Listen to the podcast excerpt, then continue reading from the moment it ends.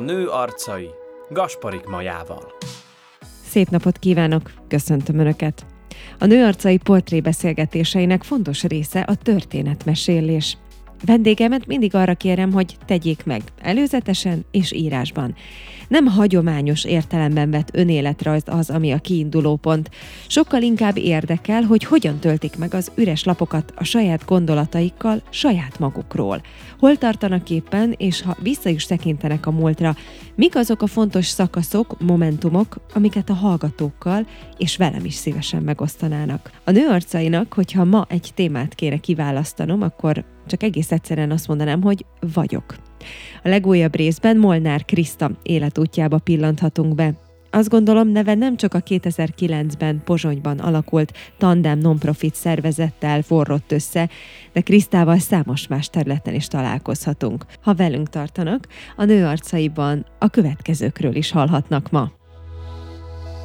Nemrég volt egy szervezetfejlesztési folyamatunk, és annyira jól esett ott is ezt a visszajelzést kapni, hogy azok az értékek, amiket fölírunk egy-egy gyűjtésnél a flipchart papírra, azok megvalósulnak, hogy nekünk magunknak is végig sorolni, hogy mi az, ami megtartó erő a tandemben.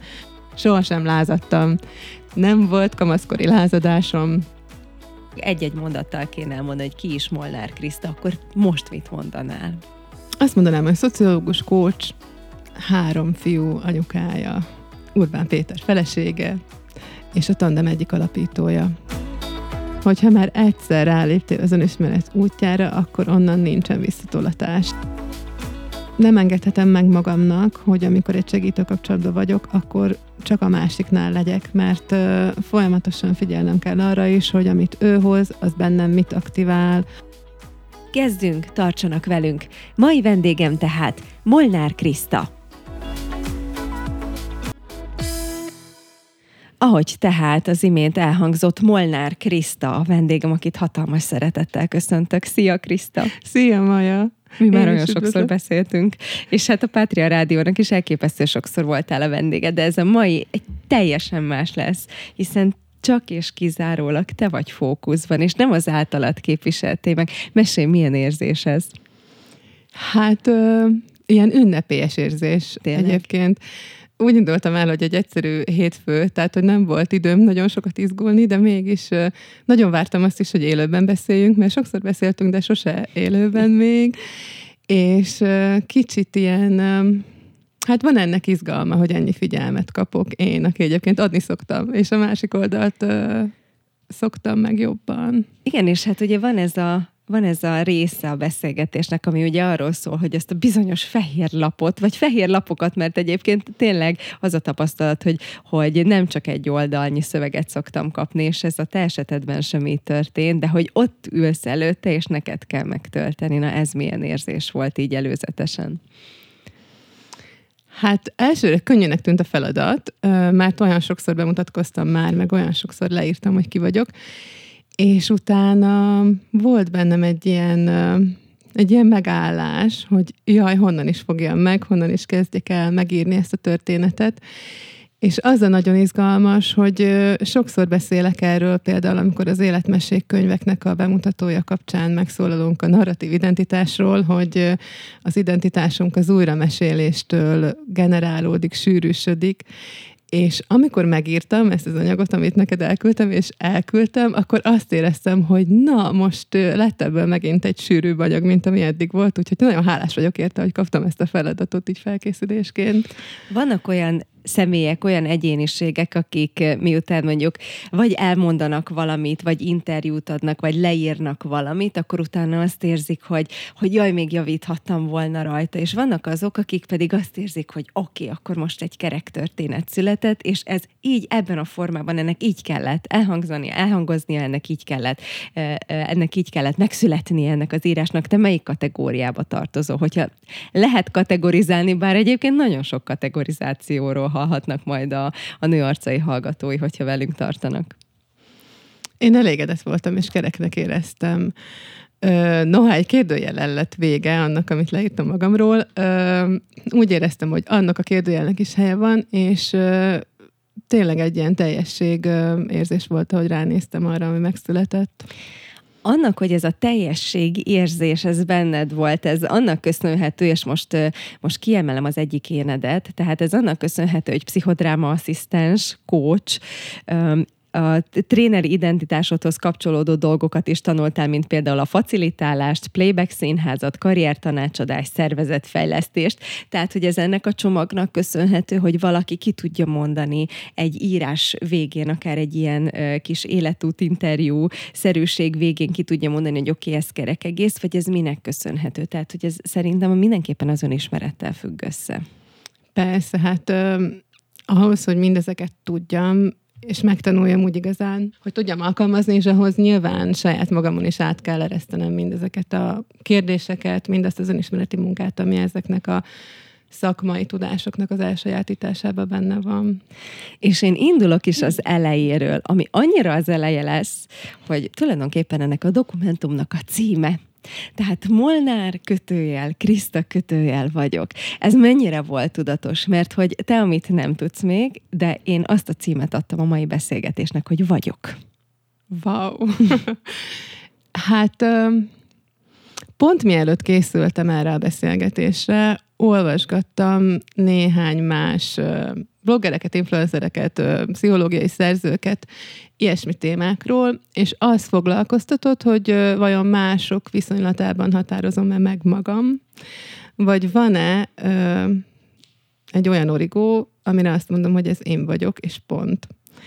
És hogy ez is része a munkámnak, mert hogy ö, nagyon sokat azzal dolgozom, hogy másoknak segítsek meghatározni, hogy ők hogy mondják el saját magukat. Akár egy életút interjúban, akár egy coaching folyamatban, ahol valamelyik részidentitásukkal, vagy valamelyik én részükkel dolgozunk, hogy az előbbre lépjen, fejlődjön. És Másrésztről meg nagyon sok ilyen bemutatkozást olvastam most nem régiben, amikor a konferenciánkhoz gyűjtöttem össze az anyagokat, és nagyon izgalmas volt azt is végignézni, hogy ki honnan indítja a saját bemutatkozását, hogy az anya-apa szerepből, a szakmai szerepből, az elsődleges szakmai identitásból, ezek mind érvényesek, tehát hogy egyikkel sincs semmi baj. És amikor nagyon sokat forgattam magamban is, hogy akkor én honnan indítom, akkor ez volt az első, hogy akkor ennyit írok csak le, hogy Molnár Kriszta vagyok. Nagyon jó, és bennem tényleg annyi mindent elindított, és nagyon szépen építkezik is az az írás, amit kaptam tőled. Hogyha mondhatom azt, akkor így tagolhatjuk is. Te tulajdonképpen négy, mondhatjuk így, hogy négy részre osztottad a benned levő ént, tehát az egyik ugye a szabálykövető én, van a konvencióknak szembe menő én, van a történetmesélő én, a benned élő pszichodramatista önismeretmániás segítő én, és volt még egy ötödik is, a segítő kapcsolatok varázserejében, hív, eh, varázserejében hívő én, te ezt az ötöt ö, emelted így ki, én még ezt a kettőt ki, még ezt a kettőt kiegészíteném, tehát hogy van vajon egy egyensúly kereső, vagy egyensúlyt élő teremtő én, és egy életút tervező én is, hogyha ezt így ki kéne még ezzel a plusz kettővel egészíteni, akkor egyetértenénk ebben? Hú, de izgi ezt hallgatni, ahogy végigvetted. Igen, egyetértünk.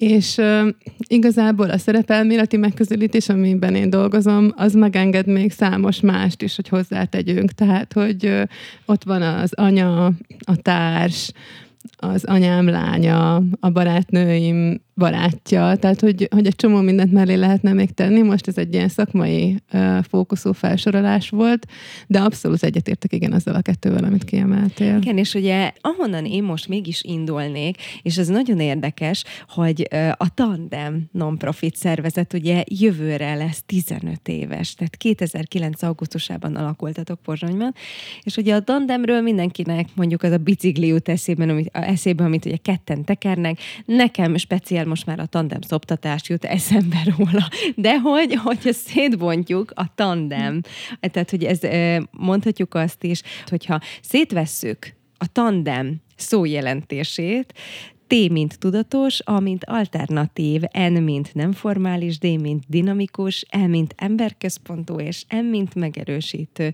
Nekem ez egy az egyben egyezett veled is. Köszönöm, hát örülök neki, hogy a Tandem egyik alapítójaként képvisellem az értékeinket. Az alapításkor egyáltalán nem volt a biciklihez közünk, tehát hogy a Tandem nem, mint a bicikli jutott eszünkbe. ezeket az értékeket leírtuk, mint ö, alapításkor számunkra fontos követendő irányelveket, és ö, nagyon nagy erő van abban, ahogy megtapasztaljuk, hogy egy-egy programunk kapcsán, akár ahol nem is hangzik el, hogy ez minek a rövidítése, jönnek azok a visszajelzések, amik szó szerint ezeket az értékeket tükrözik. És ugye itt van egy fontos helyszín, méghozzá Norvégia ami mondjuk szorosan kapcsolódik a tandem megalakulásához, de közben pedig helyileg azért elég távol van most már tőletek. Mesélj erről, tehát, hogy, hogy mi volt előbb a tandem megalakulásának a gondolata, vagy egy norvégiai út, vagy a kettő annyira összeforrott, hogy nem is volt kérdés, hogy ennyire kapcsolódni fog a kettő egymáshoz? Nem, igazából a tannemet 2009-ben alapítottuk, és a norvég utam az 2013-ban volt, tehát igazából a visszatérésemhez kapcsolódik Norvégia.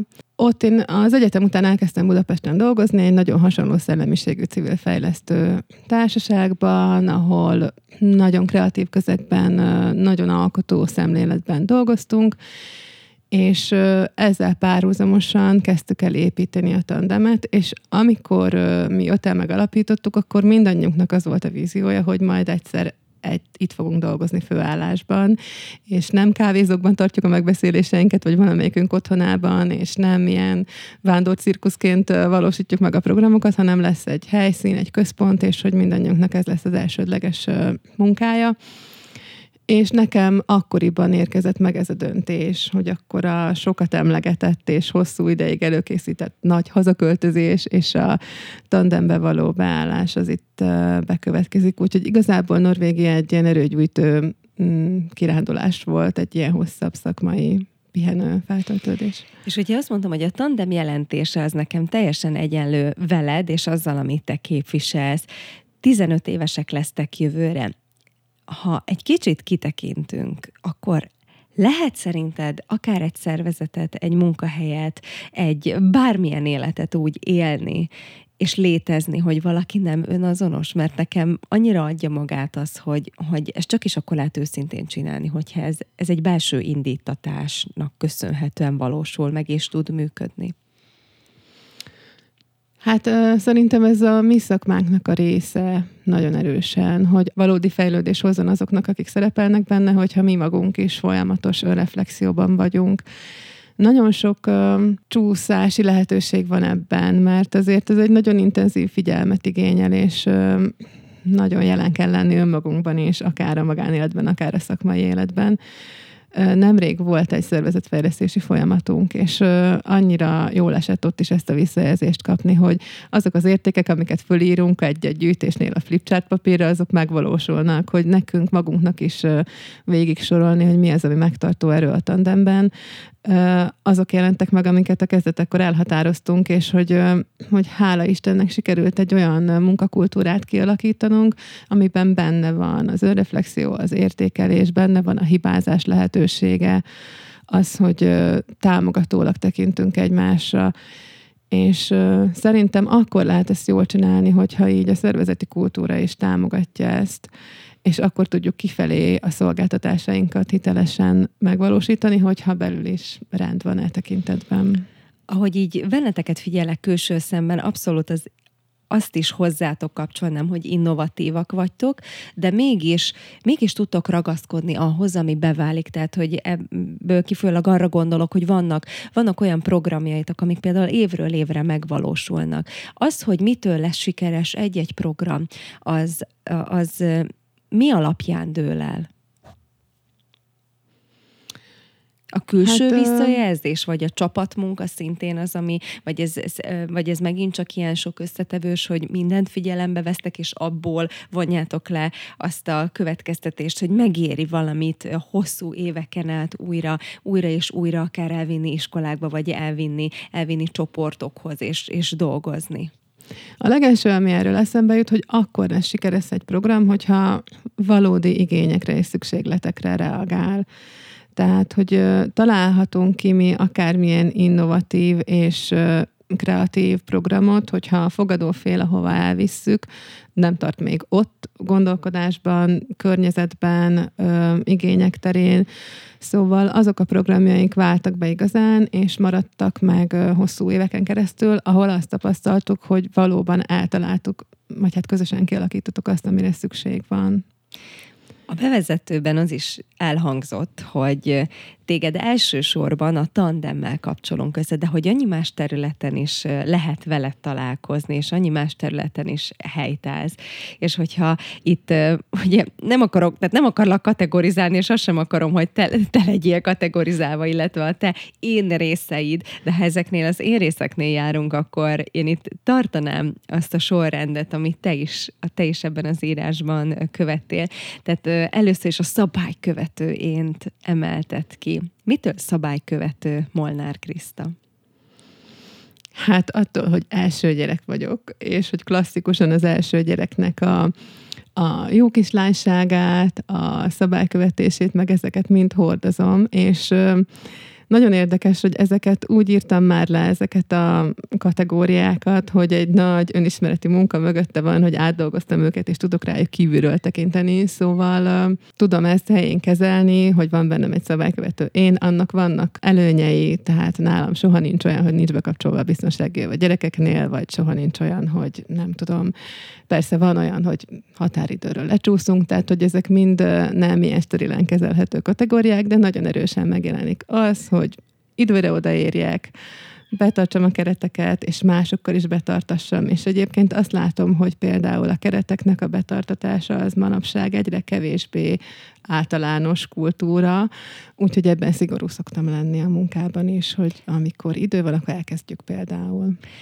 Hogyha valaki felismeri önmagában ezt az ezt a szabálykövető ént, vagy ezt a jó kislány szerepet, ugye, amit manapság én azt érzem, hogy már kezdünk itt levetkőzni, vagy átdolgozni talán, Igen. de hogy itt is van kétféle út. Valaki ezzel megbarátkozik, és ezt ilyen alapnak éli meg, és ebből építkezik aztán tovább. Aztán van olyan, aki szembe megy a fal, a fal és, és egészen elmegy a falig, és, és ez, erről nem is akar egy időre tudomást venni, majd esetlegesen később visszatér. Benned volt olyan pont valaha, hogy fölismerted, hogy benned van ez ez a szabálykövetőjén, és, és nem is akartál hallani róla, és szinte tudatosan tettél annak érdekében, hogy ez ne így legyen. Na látod, ez nagyon jó, hogy kérdezed, mert ezt az egyet hagytam ki, és utólag eszembe jutott, hogy leírhattam volna, hogy én sohasem lázadtam, nem volt kamaszkori lázadásom, nem csináltam semmi olyat, ami ilyen kamaszkori lázadásnak tekinthető, és volt egy olyan korszakom, amikor visszatekintve erre nagyon bántam, és megpróbáltam utólag beszerezni, de hogy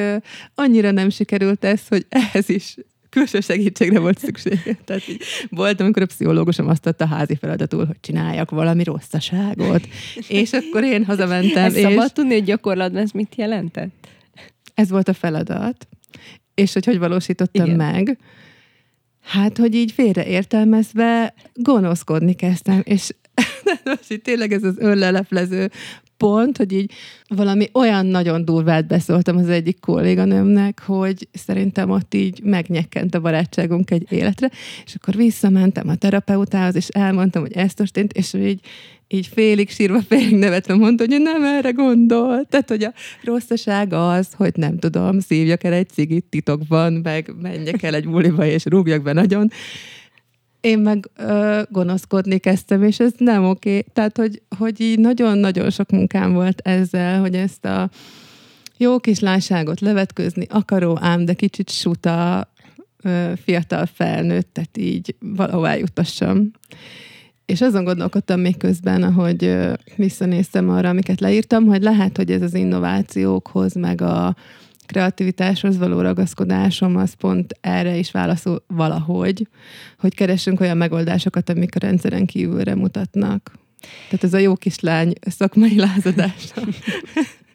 de nem egy nagy rock and roll, de azért valami. Szóval, hogy... De hogy pont ez, hogy mindenkinek a saját életében ez a rock and roll érzés, ez teljesen más, és mindenkinél máshol jön ez a plafon, mindenkinél máshol jön ez a falnak menés, és más intenzitás, mert ugye falnak lehet röpülni is, és oda is lehet sétálni. Lehet ezt egy jó alap, azért is kérdeztem, hogy ezt egy jó alapnak tudtad aztán használni, vagy teljesen lázadni kellett ö, emiatt, illetve ezzel szemben de szociológus is vagy. Tehát, hogy diplomádat Igen. tekintete szociológusnak készültél, lettél, hogyan jutottál el te a szociológiáig?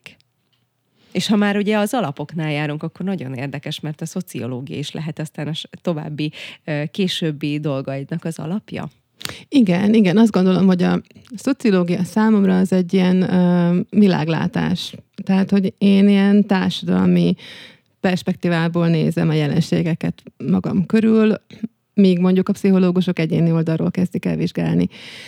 Úgy kerültem a szociológiához, hogy engem már gimiben nagyon érdekelt ez a csoportmunka, a diák önkormányzatiság, a programszervezés, meg ilyenek, és most meg fogom idézni a gimis pályaválasztási tanácsadónkat, akit fölkerestem, mert én átnyálasztam az összes tájékoztatót, akkor még ilyen kis könyvecskék formájában voltak, és mondtam, hogy én kulturális menedzser szeretnék lenni.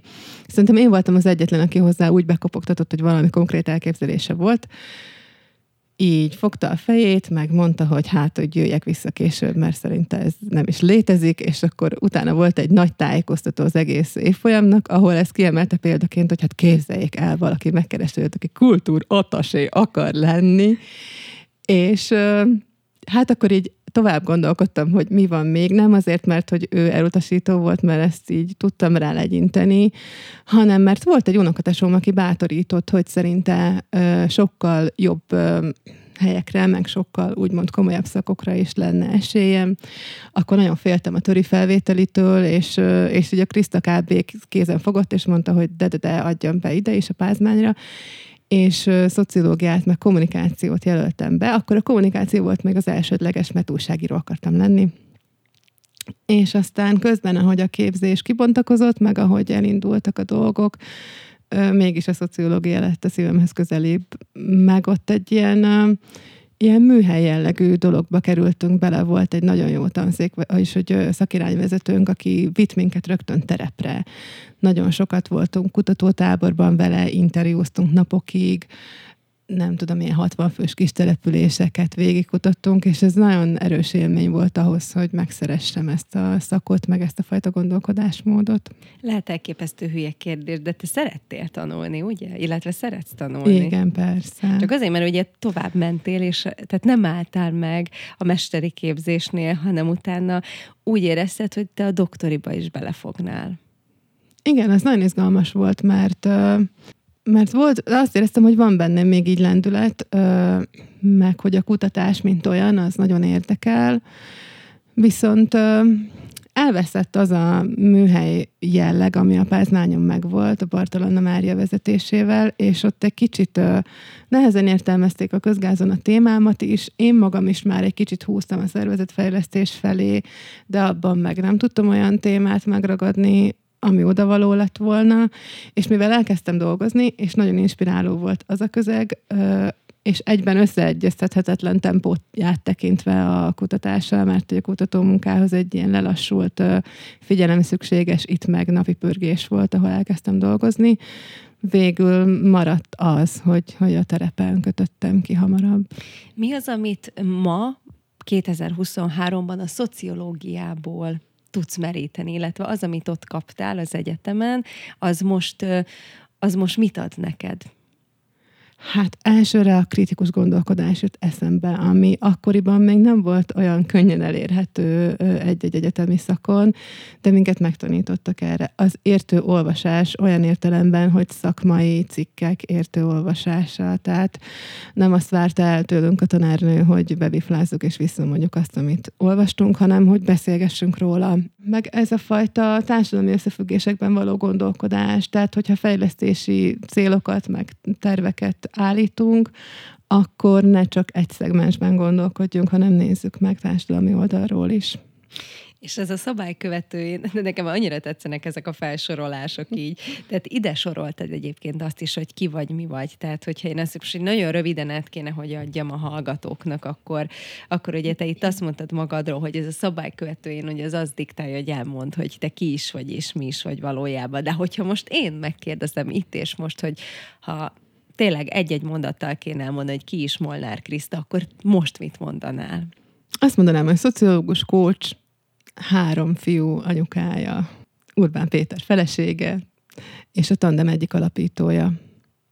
Most ezt mondanám. Illetve hát ugye kiegészíteni az, tehát, hogy pszichodráma asszisztens. Mit jelent egyébként a pszichodráma asszisztens? És ezeket nagyon érdekes lenne így, így megmagyarázni. Ugye tudom, hogy a facilitátorok munkája most már egyre népszerűbb, de még mindig azt érzem valahol, hogy, hogy még mindig kevesen tudják ennek a mm. jelentését playback színházat is ö, működtetsz, hogy vezet, tehát hogy, hogyan lehet ezt egy, egyáltalán helyesen mondani, foglalkozol karriertanácsadás és hogy a szervezetfejlesztése, hogyha ezeket így ki kéne bontani és a te női arcaidon keresztül ezt láttatni, akkor azt hogyan lehetne? Hát, hogyha most nagyon gyorsan kell erre válaszolni, akkor azt mondanám, hogy mindezek, mint szemlélet, ott szerepelnek abban, ahogy egy problémára tekintek. A pszichodrámát a legegyszerűbb talán illusztrálni. A pszichodráma egy alapvetően csoportos önismereti módszer, aminek van egy nagyon kidolgozott módszertana, Jakob Lévi Morénohoz kötődik egyébként a módszernek a megalapítása, és az a lényege, hogy az énünket, mint szerepek összességét határozza meg, de ezt ugye nem olyan könnyű elképzelni gyakorlatban. Gyakorlatban úgy néz ki egy pszichodráma csoport, hogy mondjuk 20-25 fő összejön, akik szeretnének önismeretileg dolgozni magukon, és egy száz órás, mondjuk egy éves folyamatra elköteleződnek, és minden alkalommal valakinek egy protagonista játéka zajlik, vagy kettő, vagy csoportjáték, na mindegy. A lényeg, hogy aki hozza a saját történetét, amiben mondjuk van egy elakadása, vagy amiben már évek óta küzd és nem tud tovább lépni, akkor megnézzük azt az ott jelentős szereplőknek a szemszögéből, és a szereplők mind-mind a csoport tagokból állnak össze, és akinek a játékát játszuk, az adja meg a szerepeket a többieknek, tehát hogy ő adja át a jelentős mondatokat, ő mondja el, hogy ki milyen jelentőséggel bír ebben a történetben. És lehetőség nyílik arra, hogy mondjuk egy megtörtént esetet újra játszunk, aztán megnézzük, hogy hogyan történhetett volna másképp. Aztán megnézzük, hogy hogyan reagálhatna a főszereplőnk úgy, ahogyan neki hitelesebb, asszertívebb, a valósághoz közelibb. És az a műfajnak a titka, hogy ha változás történik, mondjuk vegyünk egy konkrét példát, hogy valaki a saját anyjával való kapcsolatát hozza. Lejátsza, megnézi, erőt gyűjt arra, hogy legközelebb másképp reagáljon, rálát arra, hogy a többi szereplő hogy látja ugyanezt a helyzetet, és hogyha történik valami változás, akkor igazából nem az ő anyjában történik a változás, aki ott volt ebben a lejátszott térben, abban a játékban, hanem abban, ahogy ő maga tekint az anyjára, vagy arra a bármelyik másik szereplőre, aki ott szóba jön. Tehát, hogy a belső szerepeinket kirakjuk, szó szerint is a térbe, egyébként lehet egyéni pszichodrámát is alkalmazni, én ezt nagyon sokszor használom a coachingban, tárgyakkal, volt, hogy egy szennyes ruhakupacot válogattunk szét, és abból raktuk ki, hogy ki kicsoda ott a térben, és hogy helyezkedik el, mit képvisel. Szóval, hogy kirakjuk a belső szerepeinket, és pakolgatjuk, nézegetjük, egymáshoz viszonyítjuk, és ezáltal kap a főszereplő egy másfajta rálátást. Akkor mondhatjuk pozitív értelme, hogy kicsit néha nem árt, ha színház az életünk, nem? Igen, és nem árt, hogyha tudjuk a másikat is mentesíteni attól, hogy a viselkedésével azonosítjuk. Tehát, hogy mondjuk egy konfliktusban tudom azt mondani, hogy nem a főnököm egy barom, hanem így viselkedett most, mert valamiért így tudott viselkedni. És egyébként emellett meg, amit épp a mai napon tapasztaltam tőle, még számtalan másik arcát is láthatom, és az én reakciómat tudom ennek fényében alakítani, hogy mondjuk másik énjét szeretném megszólítani, nem azt, aki velem legutóbb így viselkedett. Ha már a pszichodrámánál járunk, akkor ez a playback színház, ez kapcsolódik hozzá, szorosan kapcsolódik? Igen, igen, a Playback Színház a pszichodráma módszereit alkalmazza színpadi helyzetben. Ehhez annyit mondanék, hogy az alapítói korszakomban, tehát amikor 2009-ben a tandemet alapítottuk, akkor alapítottunk egy playback színházi társulatot is egy másik ö, csapattal, vagy hát részben másik csapattal. Ö, és a playback színház ö, úgy működik, hogy, hogy színpadon mutatja meg azokat az érzéseket, azokat a történéseket, amit az elmesélő hoz, és a színészek arra vannak felkészítve, hogy nem egy ilyen improvizatív visszajátszással, mint mondjuk egy improvizálós játékban, amiket akár a tévéből ismerhetnek a kedves hallgatók, hanem, hanem az érzéseket, amiket a mesélő hoz, azokat engedik át magukon, és azokból adnak egy visszatükrözést. Tehát, hogy nem a valódi történetek kerülnek a színpadra, hanem azok az érzések és dilemmák, amiket a mesélő hoz. És ha már a mesélőnél járunk, aki most te vagy, akkor egy kicsit most át is lépnék a konvencióknak szembe menő énethez. És mindegyik része nagyon tetszett, de hogy ez is annyira, annyira dinamikus volt egyébként, ahogy, ahogy ezt így leírtad, mert szerintem ez rengeteg nőt érint. Sőt, hmm. tudom, hogy rengeteg nőt érint, és hogy ki is fejtsük, hogy ne kerülgessük a forrókását, és beszéljünk itt ilyen, ilyen nagy homályban, de hogy Molnár Kriszta úgy Molnár Kriszta, ahogy ő van, a teljes nevével együtt. Igen, valamiért a kérdésedre, hogy ki vagyok, behoztam ezt a történetet is, hogy amikor, amikor férhez mentem, akkor egy ilyen hosszú vívódás után úgy döntöttem, hogy megtartom a teljes saját nevemet, mert hogy annyit dolgoztam már addigra azon, hogy Molnár Kriszta az legyen, aki, hogy nem akartam ezt elveszíteni, és úgy éreztem, hogy abban annyi erő van, ahova odáig eljutottam, hogy nem szeretném ezt újrakezdeni se hogy egy másik néven újraépítsem azt, aki vagyok. Persze aztán újraépítettem magamból egy csomó mindent az anyasággal, meg a családalapítással, de mégis Molnár Kriszta akartam maradni, igen. És hogyha már ezt az intelmet, hogy hogy, illetve igen, ezt az intelmet muszáj behoznom, amit ugye anyukád mondott, hogy az otthonszülés élményét, ezt okvetlenül meséldem, mert hogy pontosan ez az újraépülés, ez ehhez a részhez kapcsolódik, hiszen ahogy feleség és anyuka lettél, tehát beszélhetünk traumatikus szülésről, gyógyító szülésről, és most itt vagy három gyerek anyukájaként, három fiú anyukájaként. Igen. Ezt azért tartom nagyon fontosnak elmesélni, mert a munkám során nagyon sokszor találkozom azzal, hogy nők az anyává válással, illetve a családalapítással egy ilyen önismereti ugrásba vagy szakadékba kerülnek. Ugyanezt jutott eszembe, hogy ezt így kezdted mesélni, hogy tehát elém ugrott egy kép egy ilyen jó mékútról, aminek nem látod az alját, és így a tetejéről így a sötétbe beleugrasz, fogalmat sincs, hogy a végén majd koppansz egyet, vízbe pottyansz, ki tudsz jönni, van-e létre, van-e bármi, de hogy oda mélyre kerülsz, az biztos. Igen, és uh, ezt azért akartam elmondani, hogy mindenki tudja, aki ezt átéli, hogy ez normális, ez az élet része. Tudják, és, hogy normális? Nem. Akikkel dolgozol? Nem tudják. Uh, tehát az történik konkrétan, hogy ne ilyen homályokba beszéljek, hogy uh, megszületik az embernek az első gyereke, és az bekapcsol egy olyan fajta gondoskodási energiát, és annyira a másikat teszi a fókuszba, úgy értve a kisbabát, aki ugye életképtelen önmagában, és az összes szeretetünket megtestesíti, és hordozza, és képviseli, az ő élete rajtunk múlik, első gyerekes anyukaként egy csomó mindenben bizonytalanok vagyunk, és úgy érezzük, hogy minden döntésünk a világ mindenséget rengetheti meg, és akkor ezeknek a hatalmas nyomása teljesen elveszi a fókuszt arról, hogy mi kik vagyunk, hogy vagyunk, egyáltalán ettünk-e már aznap, mennyit aludtunk, van-e segítünk, és hogy, hogy minden ö, figyelem a baba felé irányul, és akkor emellett pedig ö, bekapcsolnak olyan normák, meg ö, ilyen akár parancsok, amik generációk óta jönnek, amikkel eddig nem foglalkoztunk, mert nem volt szükség rá, hogy egy gyerekről gondoskodjunk.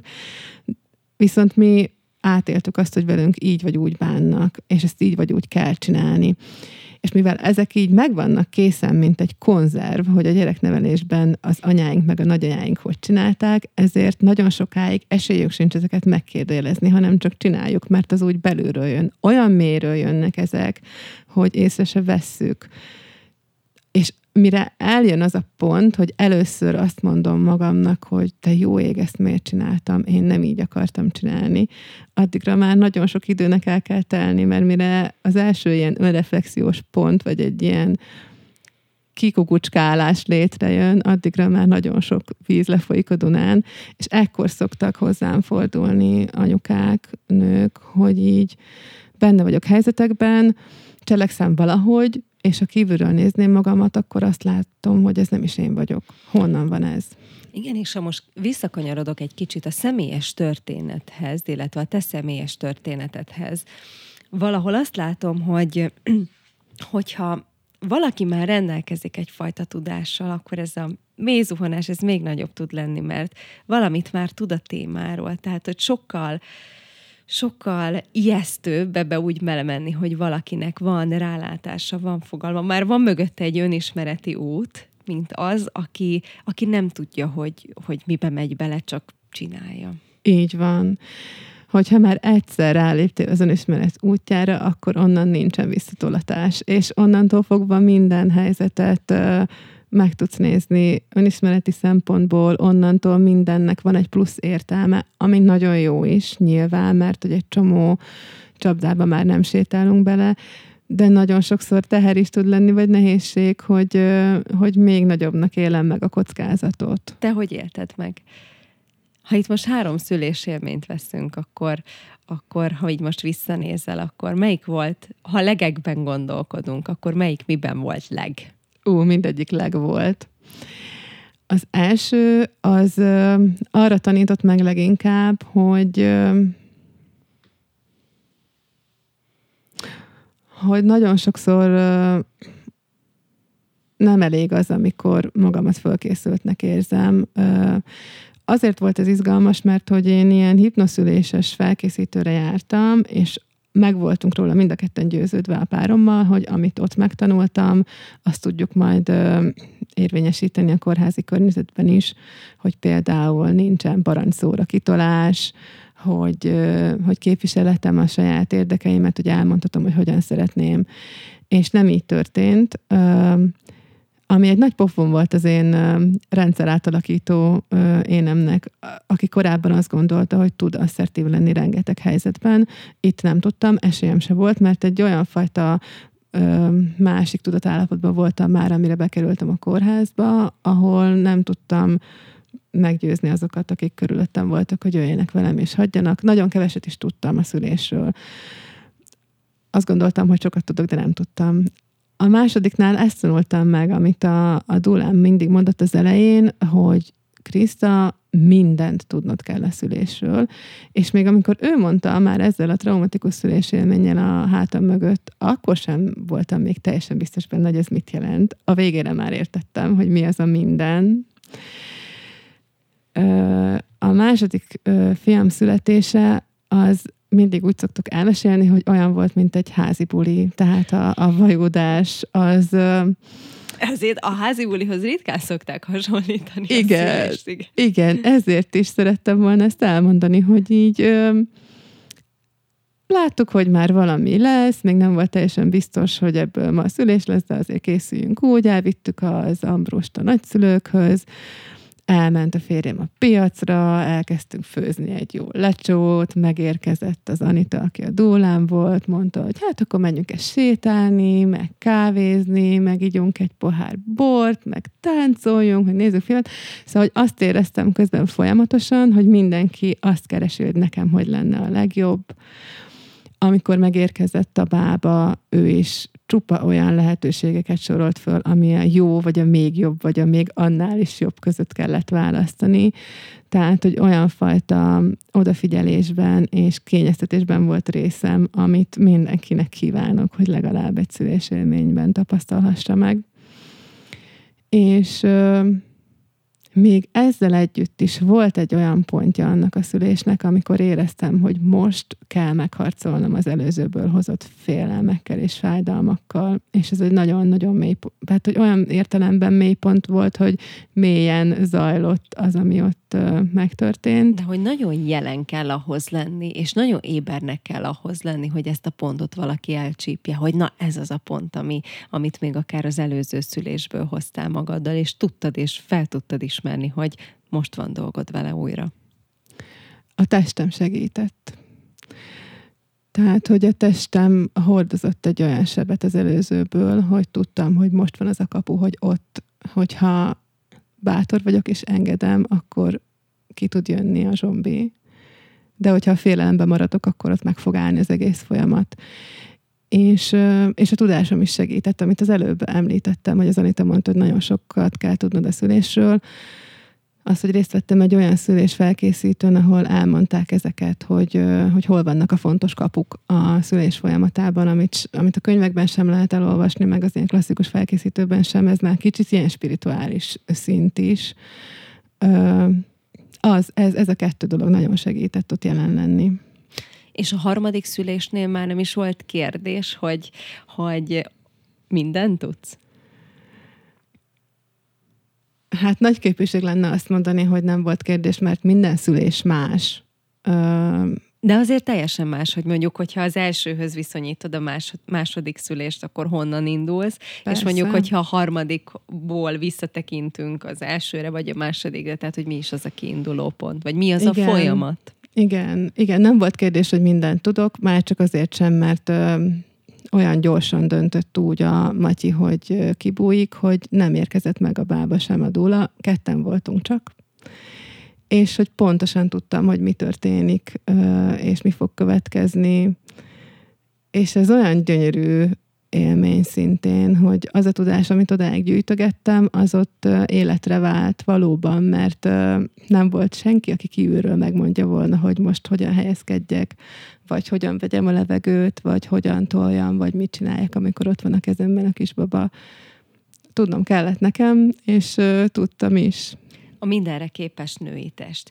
És hogyha itt nagyon nagyot ugrunk vissza az időben, akkor volt, volt ezzel problémád, de hogy ez gyönyörűen megoldottad, illetve nem biztos, hogy neked volt ezzel problémád, csak dolgod volt vele, hogy a testhez való hozzáállás, vagy az, hogy hogyan is bánnak a többiek, a gyerekek egymás között, egymással és közben meg feladatod is van vele, mert hogy iskolákba is jártok, gyerekekkel is foglalkoztok, és, a, és az egészséges énkép része kellene, hogy legyen, hogy foglalkozzunk a testtel. És valahol innen indultunk, a nem is tudom, alap vagy középiskolai énedtől indultunk el, hogy tud, mm. hogy már felnőtt korra az a női test, az mi, minden, mi mindenem ment át, és mondjuk mi mindent köszönhet, mi mindent köszönhetsz mm. neki?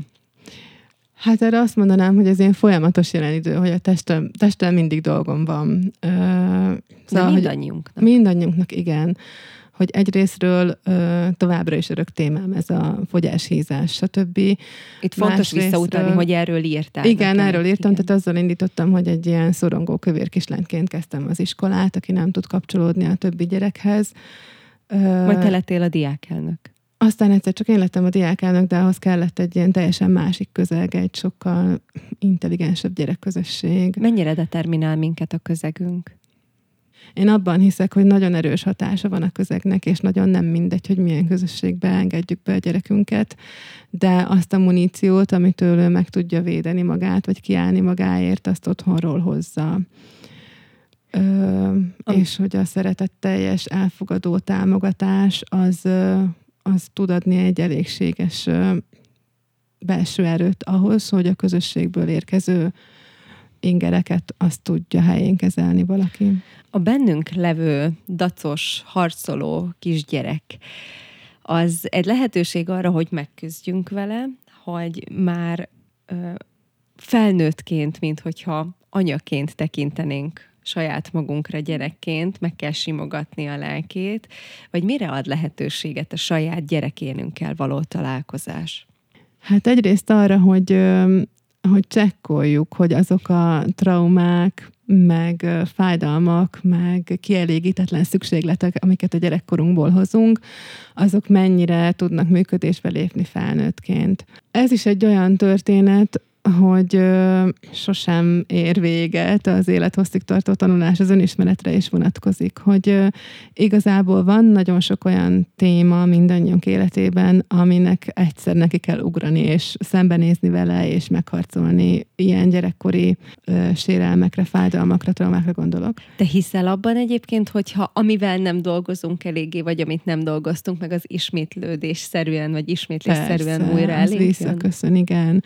Ebben mondjuk sokkal jelentősége van a környezetnek, vagy az aktuális élethelyzetünknek, hogy mikor aktiválódik egy-egy ilyen uh, trauma, vagy kérdés, vagy csomag. Én szeretem ezeket ilyen csomagoknak hívni, hogy, hogy így hordozzuk. És például az ilyen nagy élethelyzetbeli váltás, mint amiről előbb beszélgettünk, az anyává válás, az előhozza azokat, amikkel még dolgunk van. Vagy bármilyen változás, igen, vagy egy olyan kapcsolat, ami ugyanazt hozza, mint amit gyerekkorunkban megtapasztaltunk. Meg ugye nem lehet megúszni ahhoz, hogy valaki igazán a segítők útjára lépjen, tehát nem lehet itt elalibizni a dolgokat, és egy jó nagy adag önismereti úton részt venni, tehát hogy ez enélkül nem megy. Az, hogy te mitől vagy hiteles segítő, arra mit felelnél?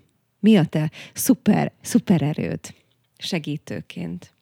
Nekem a figyelem a szupererőm, én ezt szoktam mondani erre a kérdésre, és hogy saját magamra is. Nem engedhetem meg magamnak, hogy amikor egy segítő kapcsolatban vagyok, akkor csak a másiknál legyek, mert uh, folyamatosan figyelnem kell arra is, hogy amit ő hoz, az bennem mit aktivál, hogy uh, hagyom-e őt, hogy a saját útján járjon, vagy a saját uh, megoldásomat akarom rátukmálni. Tehát nekem volt nem olyan rég egy olyan tapasztalásom, hogy elmentem én egy segítőhöz, és uh, egy bizonyos ponton megéreztem azt, hogy ő egy saját élethelyzetbeli traumájának a saját megoldását szeretné rám erőltetni, és akkor azon a ponton mondtam, hogy köszönöm szépen, én inkább megkeresem a sajátomat.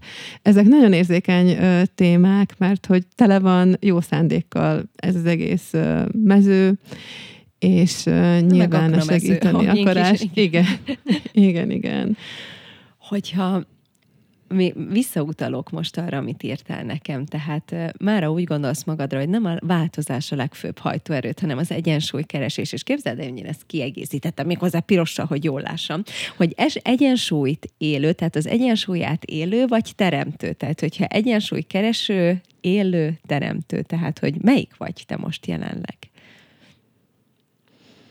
Hát Vagy ez ilyen folyamatos oda-vissza ugrálás. Ezt előbb is akartam egy másik téma kapcsán mondani, hogy nincsen túl sokáig ö, stabil helyzet ezekben a kérdésekben, hogy akkor most így megdolgoztam minden témámat, kész vagyok, mehetünk, és minden rózsaszín lesz innentől. Az egyensúlyjal is ez van, hogy az egyensúly szerintem az egyik legérzékenyebb dolog a világon, és hogy az, hogy egyensúlykeresőnek tekintem magam, azt találom a legpontosabb kifejezésnek, mert rengeteg energiát teszek abba például, hogy most egy hónapja tértem vissza a munkavilágába a klasszikus értelemben, és hogy a mindennapjaink azok egyensúlyban menjenek. És rengeteg a változó ebben. És nem az a kérdés most számomra, hogy, hogy mennyi ideig sikerül kitartani, mint egy ilyen jó, sikerült jogaposzt, hanem hogy mennyi mindent tudok megtenni azért, hogy a nap végére azt mondjuk, hogy úgy, ez kb. egyensúlyban volt. Hogyha életút tervezőként kérdezlek téged, akkor mit mondanál arra így most már a beszélgetésünk vége felé, hogy miért érdemes egy kicsit a saját életutunkat tervezni, egyengetni, néha újra tervezni? Miért fontos ez? Hát azért érdemes, mert ennek ereje van. Szóval mindenkinek azt tudom mondani, hogy, hogy amit leír, és amiben így tényleg hittel oda teszi magát egy rajzlapra, vagy egy fehér lapra, vagy egy kövekből kirakott útvonalra, az meg fog valósulni.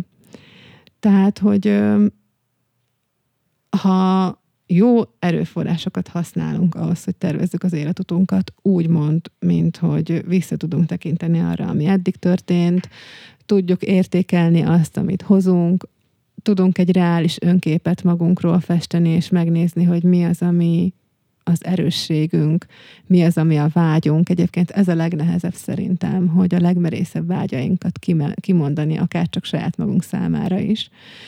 És azt így le tudjuk írni, adunk neki annyi időt, az idő és energia, hogy hogy ez ott legyen egy papíron, vagy egy naplóban, vagy egy hangfelvételben, akkor egyszer csak azt fogjuk tapasztalni, hogy ez úgy lett. Tehát nekem évek óta nagyon jó tapasztalatom van például ezzel a Írkompasz nevű évtervezővel, és mindig szoktunk, ez, ezt mindig együtt csináljuk a férjemmel, és akkor ő szokott ezen mosolyogni, hogy ő már el is felejtette, hogy mit írtunk januárban, meg hogy én mit írtam, és egyszer csak decemberben megnézzük, és ah, ez ide le van írva, és így történt.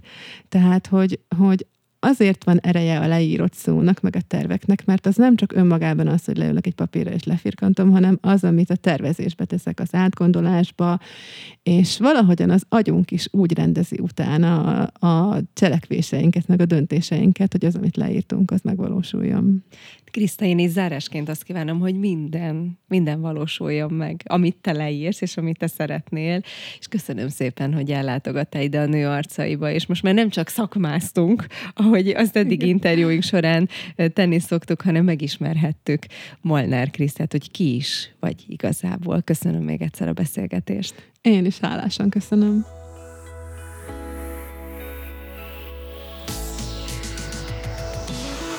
Ez volt mára a nőarcai, benne Molnár Krisztával.